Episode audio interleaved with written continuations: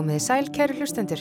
Þetta er þátturinn Sögur af landi, þáttur það sem flakkaður um landið. Sögur úr samfélaginu rifjaður upp og fréttamál líðandi stundar, skoðu nýjum og oft persónlegum áttum. Ég heiti Gíja Holmgerstóttir og í þessum þætti þá ferðumst við um Eyjafjörðarsveit.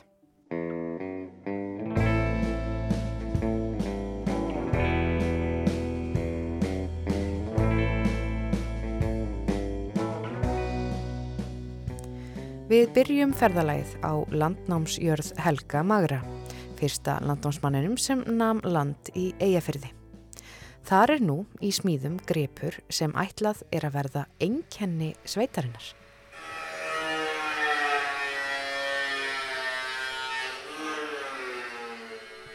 Ég er komin hinga á Kristnes, búndabæinn Kristnes og hjá mér setur Beate Stúrmú sem að er að smíða úr járni og þið heyri kannski hérna í grendinni svona hamarshöggin. Það er verið að gera kú, alveg risastóra. Já, ég var beðnum að smíða risakú og þá náttúrulega varð hún að verða stór og þá var spurningum hérna einn hversu, hversu stórt get ég gert? Og þá var náttúrulega bara ákveð líka. Þetta þarf náttúrulega að vera stærsta stittan af kú á Íslandi og hún er svona sagt 3 metrar á hæð og 5 metrar þá á lengd og er svona eins og kú í læginu en hún er búin til úr mörgum bútum. Hún er ekki gegn heil á neinu leiti hún er að því að ég í rauninni kann ekki að gera gegn heila kú. Þannig að ég verði náttúrulega aðeins að hugsa í hönnunin hvernig get ég búið til þessi rísastóra játskúltúr þannig að ég get búið hann til? Og þá mörgum bútum og hún verður svona gegnsæ og svolítið svona blunduleg. Ja. og það eru tekstar svona tekstabrót sem að er einhvern veginn e, innvafin í hönnunina. Já, af því að mér longaði svo sko, snúum þetta frá annan vinkil að ég var beðin um að gera kú af því að þetta átti að vera svona tákn fyrir eigafyrði og í eigafyrðin er mikil mjölkuframlegslega þannig að þetta er tákn fyrir svona nútíma bara kú eins og kýr eru. En ég vildi hafa líka hinn sögulega kú innvafin í, þessa, í, þessa, í þessu verki. Þannig að ég vildi hafa sögur úr, frá, frá mörgum tímum og frá eiginlega meira minna allan heiminum. Þannig að það eru sem sagt text, textaborðar á kýrin sem er bara partur af kúin og hérna fekk Valgeru Bjarnadóttir til að, að taka saman og, og velja sagt, 13 svona setningar sem er á henni og ég hef búin að fá slippurinn á akkurri að þau eru búin að saga út þessa tekstar, ég skrifar þau og svo getur talvan bara að lesi það og bara saga það út þannig að það er rosalega spennandi að setja þessar tekstar inn í þessari kú Þú hefur nú svolítið smíðað eh, í, í svona járn og, og, og það er nú öllitið minna að sniðum. Hefur eitthvað tíma fengist við svona stóran grip? Aldrei náttúrulega svona stóran grip. ég, hef verið, ég fór fyrir eh, einhverjum árum síðan til Svíþjóð og beðin að koma á eldsmíðamóti Svíþjóð. Og, og hérna líkilinn til að fá aðgang á smíðamóti væri að skila inn tekningu af eitthvað sem við getum smíðað á mótinu sagt, á þremur, fjórum dögum. Og þá skilaði inn tekningu af hesti. Og hann er í rauninni pínu fyrirmyndin af þessari kú uh, hann var bara í fullri heststærð þannig að hann var bara lítill. Ef, ef hestur er lítill sem sagt. Og hann var bara flatur, hann var bara tvívitt sem sagt. Og hann hétt skuggi af því að þetta var meira eins og skuggin af hest. Og þessi kýrstitta er þá í rauninni svona framhald á þessu hugmynd þannig að þau eru svolítið skild bara Edda er í þrývitt alveg með fjóra fætur og hérna, já hún heitir Edda Það er auðvitað viðegandi nafn. Já, Edda er, er ég fekk líka hjálpi á Valgeri að velja þetta nafn og, og Edda þýðir náttúrulega bara formóðir. Það er bara, þetta er bara hún þetta er bara upphafið. Hvernig gengur þetta? Hvernig gengur verkið? það gengur vel. Það gengur vel en, en allt gerist hægt einmitt sko talandi um sko hvað ég er vön að gera. Ég er vön að gera litla hluti. Ég hef gaman að smíða litlar teskeiðar svona kannski pínuð þekkt fyrir að smíða sultuskeiðar litlar nælur festa sjöl og svo leiðis þannig að ég hef mjög gaman á þessu litla þannig að þetta er svolítið, ég náttúrulega er að gera eitthvað sem ég kann ekki. Þannig að ég er að finna leiðin um leið og ég er að vinna. En núna hef ég fengið liðs með mig eh, smið frá, frá Sviss Símon Beiler flinkur mentaðu smiður og hans aðalverkefni er að smíða höfuðið á kýrin. Hann kann að vinna með plötur og sagt, ég spurði að hvaða efni þartu og hann sagði, jú, ég þarf plötu 2 mm þykka svona 1,60 sinnum 1,60 og út af þessa plötu er hann núna að verða tilbúin með haus bara úr einni plötu, hann bara beigir þetta og formar þetta og þetta er rosalega fallegt höfuð á henni eddu. Hann á eftir að gera hotnin. Hvernig verður þau gerð? Já, hann, hann gerir þau líka, þannig að ég hérna, býð bara spennt. Þau eru, þau eru ekki úr sömu plötunni. Það kemur önnur plata. Þannig að þau eru sett á. Mm -hmm. en, en hann líka hann líka er svo, hann er miklu vanar að vinna í stórum hlutum þannig að hann er frábær, ég er alltaf að þó ég beða hann bara um að koma og gera hausinu svo náttúrulega er hann náttúrulega kannski næstuð að gera allir kúin. En færðu hérna er ykkur fleiri sem komaði verkinu uh, fyrir utan hann? Í haust, ég notaði rosalega langan tíma í svona hönnunarvinninni ég eitti alveg hálft ár eiginlega í, í að hanna hennar grip og skipulegja hann í rauninni og, og sjá út hvernig ég get leist það að búa þetta til og þá var ég með stelpu frá Íslandi með mér, líka mentaður smiður sem hérna, já þannig við vorum tvö í því í já, fjóra-fimm mánuði í haust. Það var mjög gott, það er svo gott að fá hjálp já. og núna um helgina þá koma sagt, smí, eld, eldsmíðafélagi á Íslandi, íslenskir eldsmíðir, höfum verið með mót á hverju ári, núnlega hefur COVID rugglað allt saman. Eh, þeim langar alltaf að hjálpa til, þannig að það kemur einhverjir fjóri, fimm, sex manns um helgina og alltaf að leggja hönd og pló. Mm, þetta hlýtur að vera mjög spennandi verkefni fyrir eh, eldsmíðina. Já, allavega þegar þau frétta af því að ég væri að fá svislenska smið, þá kom svona, já, fáum við ekkert að vera með. þannig að það er, það er frábært. Þeim langar að koma og það er svo velkomin og það verður gaman um helgina. Já. og það er miklu auðveldar að vera fleiri, bara játstanginar eru þungar þegar þeir eru svona orðnar tikkar komnar út teskeiðastærðinni. En segðu mér, hérna á Kristnesi nú eru þið að smíða þessa stóru kú þarna inn í, í, í, gem, eh, inn í skemmu. Eru þið ekki með líka kúabúskap? Jú, við erum með 23 mjölkandi kýr og hérna samtals er þetta einhver 65-70 geldneiti sem við erum með og svo erum við með 90 vetrafóðurar kindur. Svo erum við með svona, maður þarf líka að vera með hobby í búskapin, þannig að það eru hænur og endur og kaninur og geitur hérna líka sem þarf sinningu, þannig að það er alveg nóg að gera. Hvað eru þið mörg hérna í fjölskyldinni sem búi hérna á Kristnesi? Í dag erum við við hjóninn Helgi Þórsson, ég og, og tvo sinni sem búa heima og svo er ég svo hefðin að tengdapappi sem býr líka heima sem hjálpar okkur mikið og þennan svislending býr hérna hjá okkur já. núna í einn mánuð. Já. Og það var náttúrulega svolítið skemmtilegt hvernig hérna hann kemur nú til landsins á þessum COVID tímum og, og já, þú þurfti nú að, að fara í smá umsóknarferli.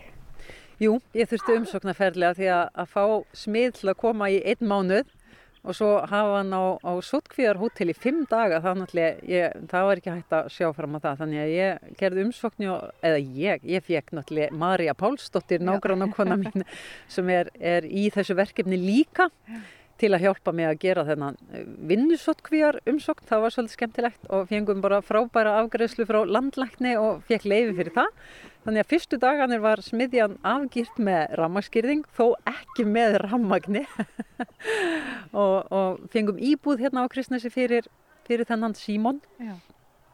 Þannig að fyrstu daganir þá var hann bara alin í smiðinni og, og bara hægt að horfa hann úr löngur fjárlægum. Þetta hefur verið já, svona sveitaleg sóttkvík, skulum við segja, með rammarskýrðingu og, og mjög heimatilbúið og sniðugt. Já, þetta virkaði vel Já. og hann var ekkit svo með einn smiti en neitt þannig að þetta var bara sem, alveg sem best var orðgóðsitt. Og góð og skemmtileg og, og forvitnileg lífsreynsla. Bara að skoða hvernig þetta virkar. Hvar verður þessi kú staðsett? Hvar verður hún etta sínileg hérna þegar hún er loksins tilbúin? Þá er pælingin í augnablikið, í, í sam, ég, þetta er ekki neitt sem ég í rauninni ákveð en, en uh, það er verið að hugsa um að setja henni við sólgarð einhver staðar, það er ekki komið nákvæm staðsetning en, en samnýta af því að viljin er án og vera svolítið inn í sveitinni til að sé eitthvað meira að sjá lengra inn í sveitinni. Og það þarf náttúrulega bílaplan og það þarf snýrtingar og svoleiðis sem maður ætlar að, að, að tæla fólk til sín. Þannig að það er náttúrulega gott að samnýta af því að við vitum það öll að, að svona uppbygging kostar. En ég lít nú svo á það með þessi kú fyrir mig persónlega þá finnst mér að skiptir ekki öllu máli hvar hún lendi af því að þetta er jú bara kú, það er að taka henni upp og flytja henni og fara með henni hvert sem maður longar til að hafa henni ef, ef staðsetningin er ekki nógu. Ég var að fara núna út í skemmu og aðeins kíkja á hvaðan Símon er að bralla. Við skulum gera það. Eru þið ekki bæði garðirkju fræðingar eh, þið hjónin? Jú. Þetta er nefnilega algjör æventýra garður hérna.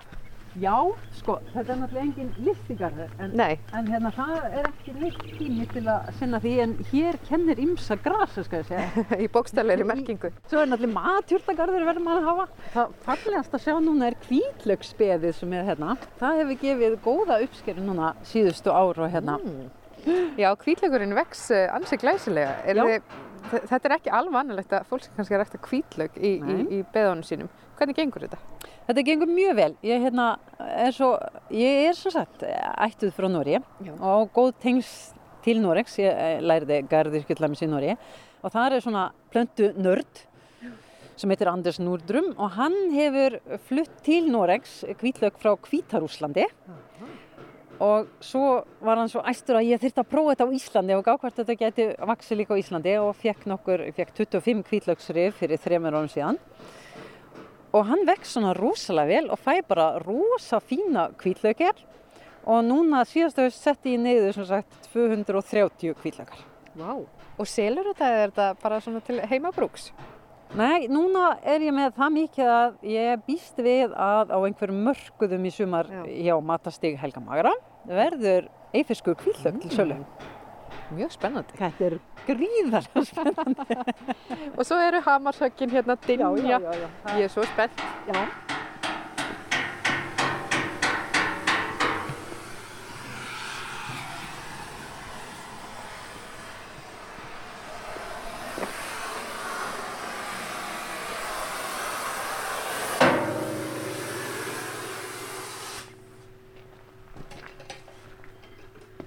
Halló. Hæ. Hei, Hei. Vá. Sko, þarna kom vái. Þetta er geggjað. Hvernig er tilfinningin að sjá hana verða svona til? Það er bara æðislegt, það er svo gaman. Og þetta er náttúrulega bara svo ótrúlega flott hjá Símon. Já. Og svo er líka það sem er orðið mest gaman er þegar fólk kemur inn í smiðinni, þá gera þær nákvæmlega eins og þú, það kemur bara svona, og, og vá! Þetta er algjörlega, maður sér eitthvað svona persónuleika hérna. Já, þetta, þetta er hún Edda sem er hérna að horfa á okkur tilbaka. Áferðin er bara svo falleg og formið er fallegt og, og þetta verður bara, þetta er, þetta er rosalega gaman að vera í svona galið verkefni þegar, þegar maður sér að þetta, þetta, þetta virkar, þetta er að gerast, þetta er það sem maður langaði til. Draumurinn er að rætast, það verður kúr. Hvenar verður hún tilbúin? Hvenar svona er planið að hún klárist? Bara, við skulum bara halda okkur við það að vera pínu galinn og segja lók ágúst en ég segi ekki hvaða ágúst. Einhvern ágúst í framtíðinni verður hún tilbúin. Já, algjörlega, algjörlega.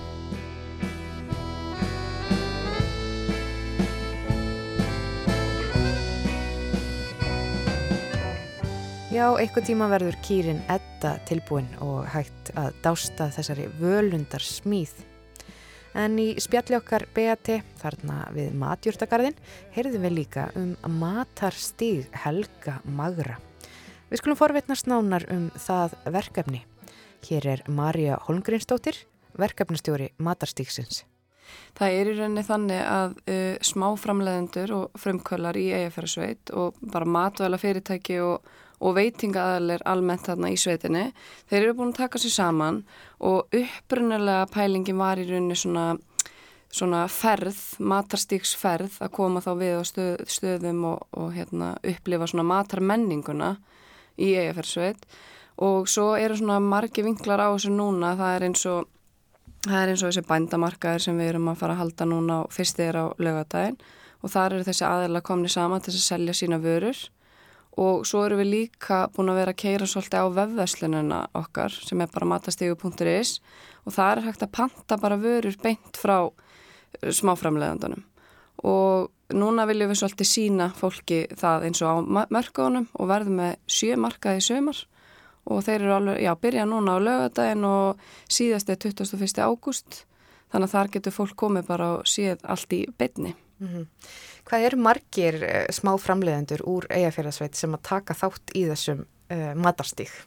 Það eru svona á bylinu 10 til 12 en það eru 17 skráðir og það eru eins og kvennfjölög og, og sem er veitingar aðeila líka sem eru þá eins og, já eins og ég kannski kom inn á það líka þá er hérna Eh, kaffibrennslaninn á Akureyri. Hún er að hérna, framlega fyrir okkur helga mara kaffi og þar eru við til dæmis að selja það um sveitina eins og á veitingahúsum og, og fleiri stöðum og verðum það líka á markaðanum. Þannig já, þetta eru svona 10-12 aðilar eða smá framlegendur og svo eru kvennfélög og, og veitingaaðilar líka. Þetta nafn, Matarstígur Helga Magra, hvaðan eh, fenguðið já, það nafn? Sko, persónlega var ég ekki alveg inn í því til að byrja með að móta það en maður er búin að heyra ymsa sögur af því og af hverju þetta var svona en það var í rauninni bara, um, ég man ekki alveg hver það var en það var bara svolítið einkennandi Helgi Magri og hann var náttúrulega hann á Kristnesi og, og þetta er svona hans land þannig að þetta var svolítið skemmtileg tenging þarna á milli og Tengist fyrsta landnámsmanninum hérna í Eyjafyrði. Akkurat, mm. það er svolítið skemmtileg tenging. Já, mjög. Hvernig ser þú, nú ert þú uh, ný búin að taka við sem verkefnastjóri mm -hmm. þessa verkefnis, hvernig svona sjáu þetta þróast? Sko við sjáum svolítið fyrir okkur núna að það stoppaði náttúrulega allt svolítið þessi túrar um sveitina svona í COVID-inu eins og margt annað en núna erum við svolítið mjög bara bjart sín á framtíðina í því að fara uh, selja í rauninni ferðir, þarna mata, bara matar upplifuna ferðir og núna erum við svolítið að fara að setja kraftin í það þar sem að nú er allt svona að fara að lifna við og svona.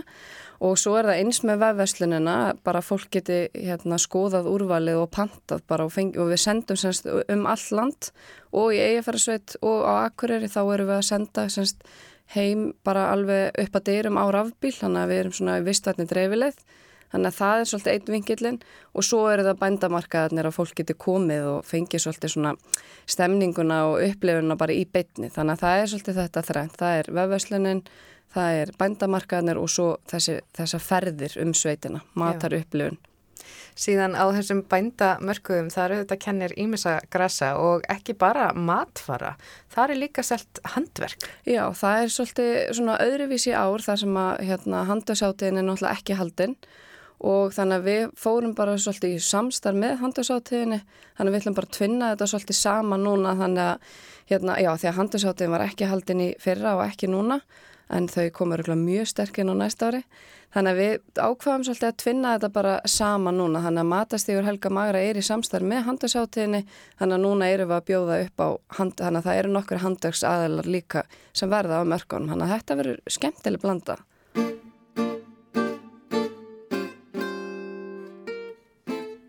Við ferðumst nú lengra fram fjörðin og erum komin nálagt stórbílinu Grund í Eyjaferði. Ætlunin er að heimsækja Dingjuna, listhús, sem staðsett er á bænum Fívil Brekku og þar er okkur bóðið upp á ketilkaffi. Það er svo skemmtilegt, sko, svo, þetta verður svona, að hérna, mér, mér er svo gaman að þessu gamla, að, að hérna, Svo þetta með ketilkaffið vegna þess að normin gerir þetta á einn hátt og, og, og ég heit að konu þar heldu sko til þess að fá korki nýður hann er hérna þegar hann mm -hmm. síður. Já.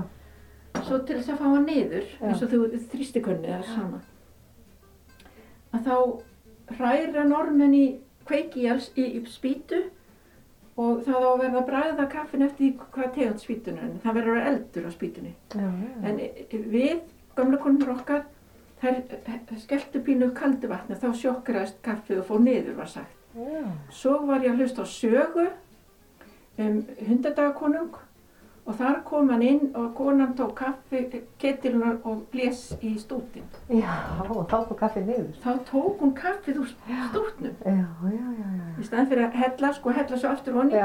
Þá bara blés hún og niður. Ég heiti Guðrún Hallfríður Bjarnadóttir og Kolli Hatta og er myndlistakona. Og þú ert búin að skapa þér Já, ég ætla bara að segja svona unaðsreit hér inn í eigafjörðarsveit. Segðu mér aðeins frá þessum stað sem við erum á. Já, þetta er, þetta er svona draumastaður og, og hérna, við fengum þetta eh, 2003, þá keftum við þetta, þetta, þetta land hérna og erum búin að vera að byggja það upp síðan og, og þetta er náttúrulega það besta sem við hefum gert. Ég þakka fyrir á hverju mótni því ég horf út úr klukkan. Og þið skýrðuð bæin ykkar, jörðina, fífil brekku, en það fíblarnir hér allt í kring. Já, já, það var þannig að þegar, þegar við vorum að reyna að finna nafnið á, á, á staðin, að þá hérna var fífil allstar hérna á öllum túnum. Þannig að ég ákvað bara að fara svona í poljunuleik og, og, og skýran fífilbrekku. Í staðin fyrir að vera eitthvað pyrruð yfir fíblónum sem að ég í rauninni hef aldrei verið þótt að bara út á tísku og þá þarf maður að taka til burtu. En, en hérna hef alltaf haft áhuga á þeim og, og líka áhuga á næringunni þegar maður heyrir að þeir eru ætir og, og fyrst heyrður maður að maður gæti tekið frunsur með mjölkinni og svo fórum maður að heyra að maður geti borðað og svo bara náttúrulega á netinu þá sér maður að þetta er það allra, allra hotlasta sem að manneskjan getur í sín látið Og þú ert hérna með já, þína lista starfsemi og nú erum við í húsi sem er nú ekki vinnustofaðinn en hér ertu með einn vefstól og, og, og þetta var, þú segði mér aðan, fyrsta húsi sem þið byggðu hérna á jörðinu þannig að það kannski slæðir svolítið mikið kjarta hérna í þessu, þessu húsi. Já, þetta er svona, þetta er hjartað á svæðinu. Mér finnst þetta, sko ég byggði þetta þegar illa gekku með byggingu hérna vorum byrjuð að byggja og það gekki nú vel. Og þá kefti ég þetta, hvað maður að segja, svona kitt, þannig að ég setti þetta bara saman hérna eitt sumarið. Og, og hérna var hérna, þetta var bara svona sáluhjálpa yfir pyrringnum yfir því hvað gekk illa við bygginguna, að þá var ég hérna allt sumarið og var að negla þetta saman. Og ég, ver, ég segi nú öllum það vegna sem finnst svo skemmtilegt að mér, ég var aldrei fengið mikið hrós frá köllum eins og því ég var hérna að reyna að setja þetta saman þeir, þeir hrósa mér aldrei eða þannig, jú, jú, þeir hrósa mér yfir vefnaðanum, en hann er reyndar erfiðari heldur en að setja saman þetta hús, en það var rosa skemmtilegt. Og eitt kom hérna og sagði að um, djöfisist tökkur þér og gjössalega gáttaður á, á mér og allir kallar sem koma hérna, þeir bara, þeir hrósa mér í hástert fyrir að setja þetta saman. Miklu meira heldur en myndunum mínum og, og öllu öðru sem ég hefur að gera. Já. En það er alveg einstakur andi sem þú greinilega skapar hérna í kringu þig. Þetta er eins og að ganga inn í svona ævintýra veröld að vera komin hérna í Fívilbrekku og hér ertu með, uh, það kallast Dingjan listhús þar sem þú ert með vinnustofunni þeina. En mér langar svolítið að forvittnast um þinn bakgrunn. Hvaðan kemur og hvernig leytist þú svo út í listina? Segð mér aðeins uh, hver þú ert svona. Já, ég fætt á græskutinni og ólst þar upp til tíu ára. Og þá flyttum við í Kópavógin en öll sumur alveg frá fæðingu þá er ég í sveit hjá, hjá ættingum. Amma fór með mig og mamma í, í auðsólti biskustungum og þar sem að amma ólst upp hjá afa sínum og ömmu. Og mamma var svo líka þar á, í sveit alltaf á sumrin eins og ég sko. Þannig að þetta var svona okkar óðal eða þannig. Og þar leið mér best og vildi helst ekki fara til Reykjavíkur og, og dreymdi alltaf um að verða bondi þegar ég var lítil sko. Þannig að það, nú er ég komin á minn stað svona, sem ég dreymdi um því ég var lítil. En svo hef ég haft áhuga á myndlist alla tíð og, og, og handafinni og, hef áhuga á líka á þessu þjóðlega eða þessu, þessu gamla, mér finnst synd að henda því e, sem að mæður okkar hafa þróað frá upphafi alls tíma sem eitthvað hallarislegt að við eigum að halda í það og, og hérna og, og svo myndlistin líka finnst mér áhugaverð, bara all sköpun í rauninni. En, en þar sem að mér fannst ég ekki geta unnið við myndlist þá ákvaði ég að læra fyrst eitthvað og, og það fór þannig að ég, ég fór í, ég ætlaði nú í handafinniskólan, handafinni kennarskólan en, en endaði í sem þróskaþjálfi, fór í, í, í nám á Kópásæli og lærði, var fyrst eins og það hétt gæslusistir sem breytti svo í, í hérna, þróskaþjálfa. Svo fluttu við til Svíþjóðar og þar fór ég í myndlistanám og vefnaðanám og, og, og, og þegar ég kom tilbaka að þá fer ég í myndlistaskóla hérna á Akureyri og svo áfram í, listaháskólan í, í kennaranámi. Já. Við erum núna hérna í hjartanu fyrsta húsinu sem var byggt hérna á, á jörðinni Fívilbrekku sem að þið keftu 2003 sem að stendur hérna rétt fyrir ofan grund í eigafyrði svona þegar það staðsetja okkur. Við skulum færa okkur aðeins út og það er nefnilega síning í gangi, listasíning hérna.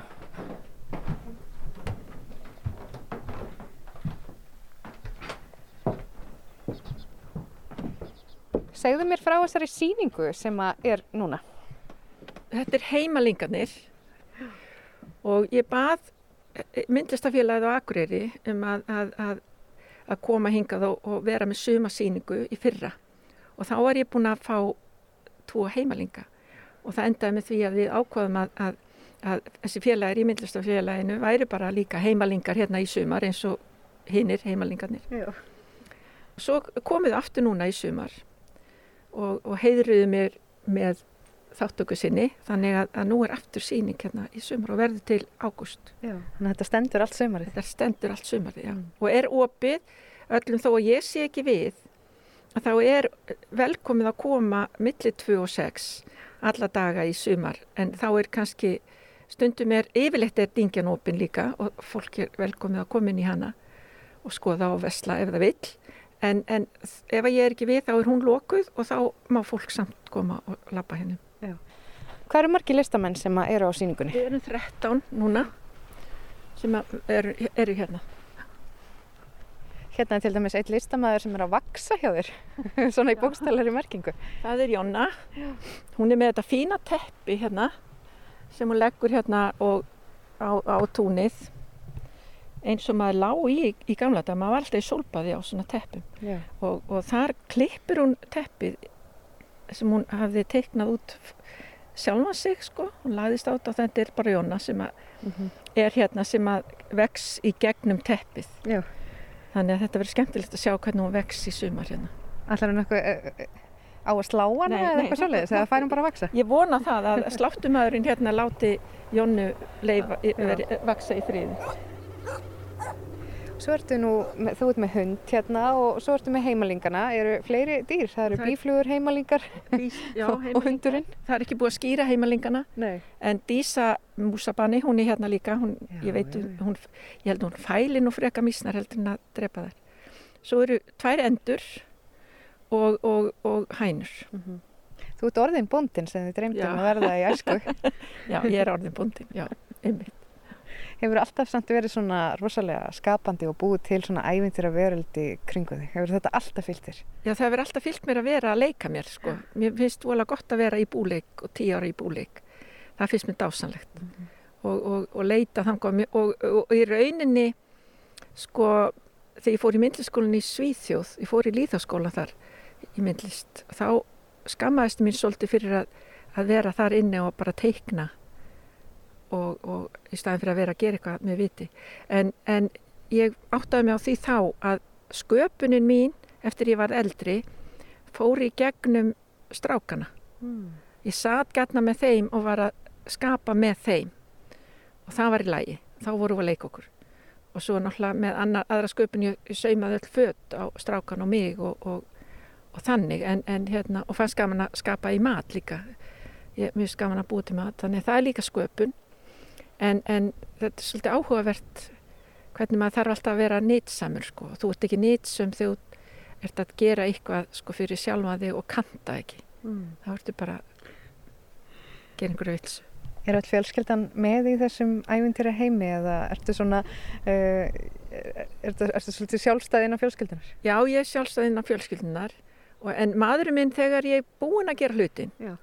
þá er hann á lánaður Hver er maðurinn þinn? Hann er, það er Edvard Kennan hvernlagnir e, og hann, er, hann, er, hann finnst þetta voðalega erfitt stundum eða fannst ekki lengur, alls ekki lengur. Hvernig ég var að eitthvað framkvæmja einhverju vittlsu en þegar ég var búin að því þá var hann sáttur. Mm -hmm. þannig að það var alveg þannig. Já. og það þú skapar virkilega notalegt andrúrslöft í kringu því, það verður bara að segja við skulum fara núna yfir í þessa glæsilegu vinnustofu sem að þú kallar Dingjuna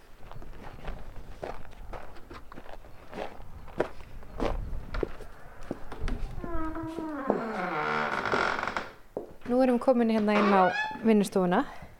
Þú ert með litla verslun líka Já, svona... Þetta er galleri Já, þetta er galleri og það er, það er í rauninni engungu fyrir mig sko til þess að auðvelda, það er, það er óflóki fyrir mig að vera að selja fyrir aðra. Eh, allt þetta með, þá verður kannski komið virðisökkurskattur og eitthvað þannig. Og líka halda utanum það allt, en hérna er ég með bara mitt eigið galleri. Og þú til dæmis eh, ert með vaðmál. Já, þetta er sko vaðmálið.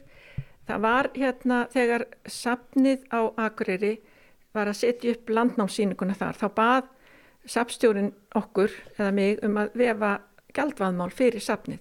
Þannig ég fór í gegnum grákás og las allt þar um vaðmálið til þess að hafa vaðmálið sem líkast því sem var á miðaldum, nei á, á hérna á landnámstíma og, og tókst það, það, það, það þófnaði nákvæmlega eins og það átt að þófna.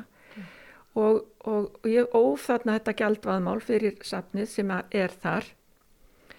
En eftir það þá fór ég að vefa bæði fyrir okkur á, á hérna, meðaldahópin eh, vefa fatnað fyrir mig fyrst og fremst og svo gaf ég vinkonu mínum í stóramælsgjafir vaðmál en, en hérna og eftir það þá fór ég að halda áfram og, og vaðmálsjöl sem ég er búin að gera alveg síðan. Mm. og þau eru þá lituð, júrtalituð með þeim plöntu sem er vaksa hérna í kring. Og svo núna þá er ég búin að vefa pínlítið með, með svolítið bláu indigo fyrir kongan og, og hefðar fólkið og seinasta vaðmáli sem ég er að vefa núna það er, það er gósið fyrir sunnan, það er geldingurinn. Já, já. þannig að það, það er í stólnum núna Svona að lokum, Guðrún, þessi staður hérna, Fívilbrekka, Dingjan, Listhúsið, hver er framtíð þessa staðar? Sko, ég er náttúrulega orðin 72 ára, þannig að, að, að hérna, ég, þegar ég kom hérna fyrst og var komið með þessar hillur og stóra stigana þá var ég spyrja, skotin hvernig verði ég hérna 70 hérna upp í þessum tröppum núna segi ég, ég vona að ég verði flott hérna upp í þessum tröppum áttræð Já. en ég ég bara þetta er svo fallegt og, og, þetta kom náttúrulega svolítið seint sko, fannst mér, vegna að ég var án það gömul því ég fekk þessa vinnustofu að ég verið stressuð við því að það þarf að nýta hana. En í framtíðin mín hérna inni verður bara áfram þetta.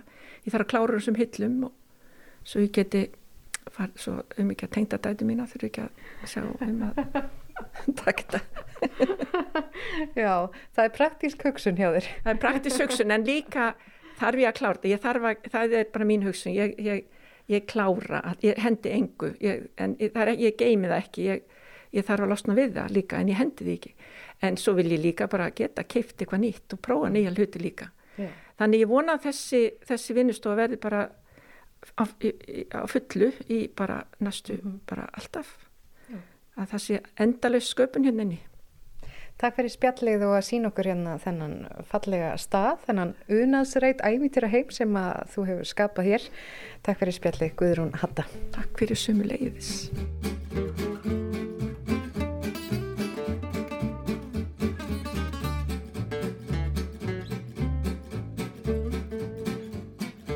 Við höldum áfram ferðalæginu. Áfram förum við fram eigafjörðin og erum komin í Sólgarð, þar sem finna má smámunasapn Sverris Hermanssonar. Sverrir var húsa smíðamestari, fættur í innbænum á Akureyri og hann sérhæfði sig í að gera upp gömul hús og fekk margvíslegar viðurkenningar fyrir störf sín á því sviði. Við heimsækjum sapnið og fáum þar sapstýruna Sigriði Rósu Sigurðardóttur til að segja okkur frá starfseminni.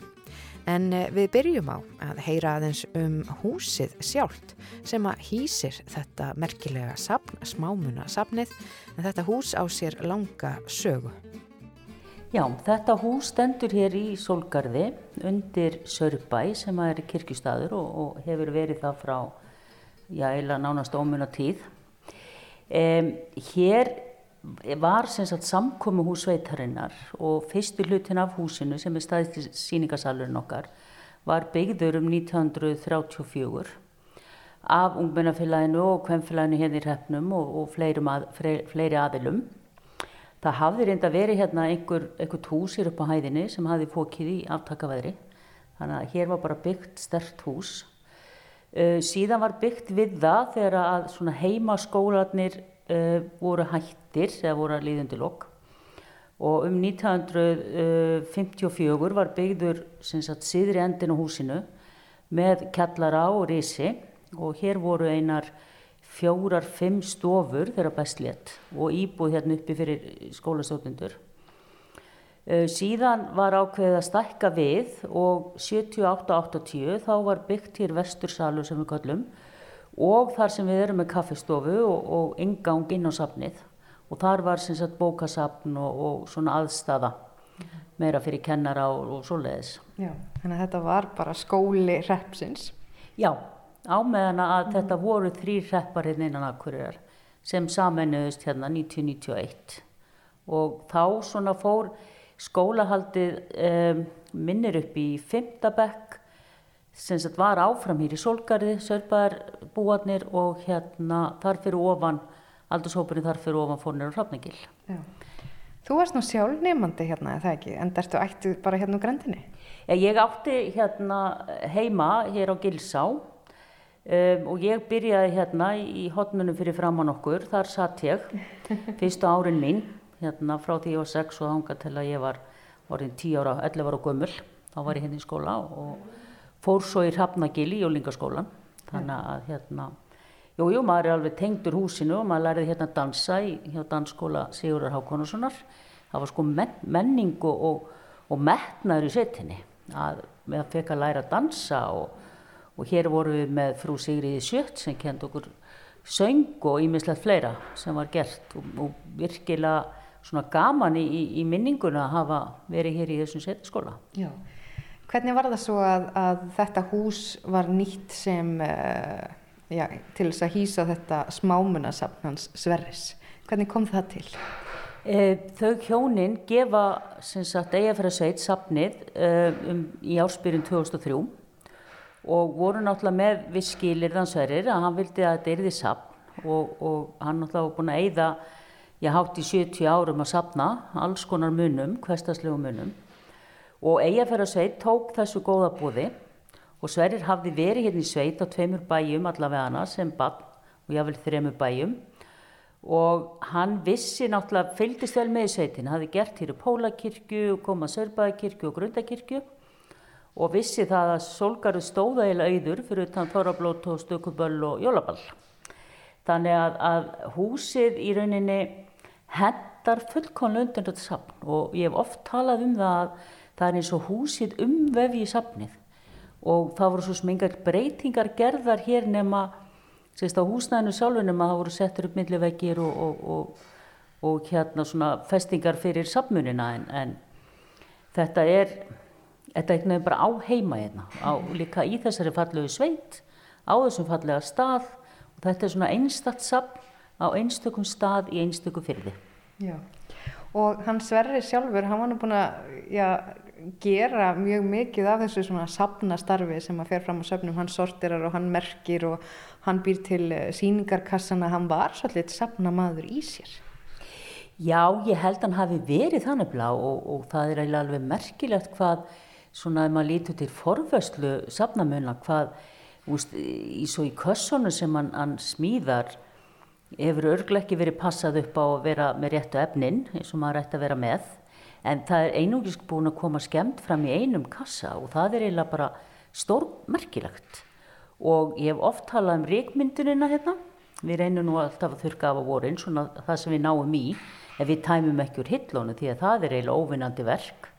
En það er mjög lítil reikmyndun og, og loftið er ekki svona þungt eins og það kannski ætti að vera með að við hvaðan allir þessi lutir eru og svona. Mm -hmm.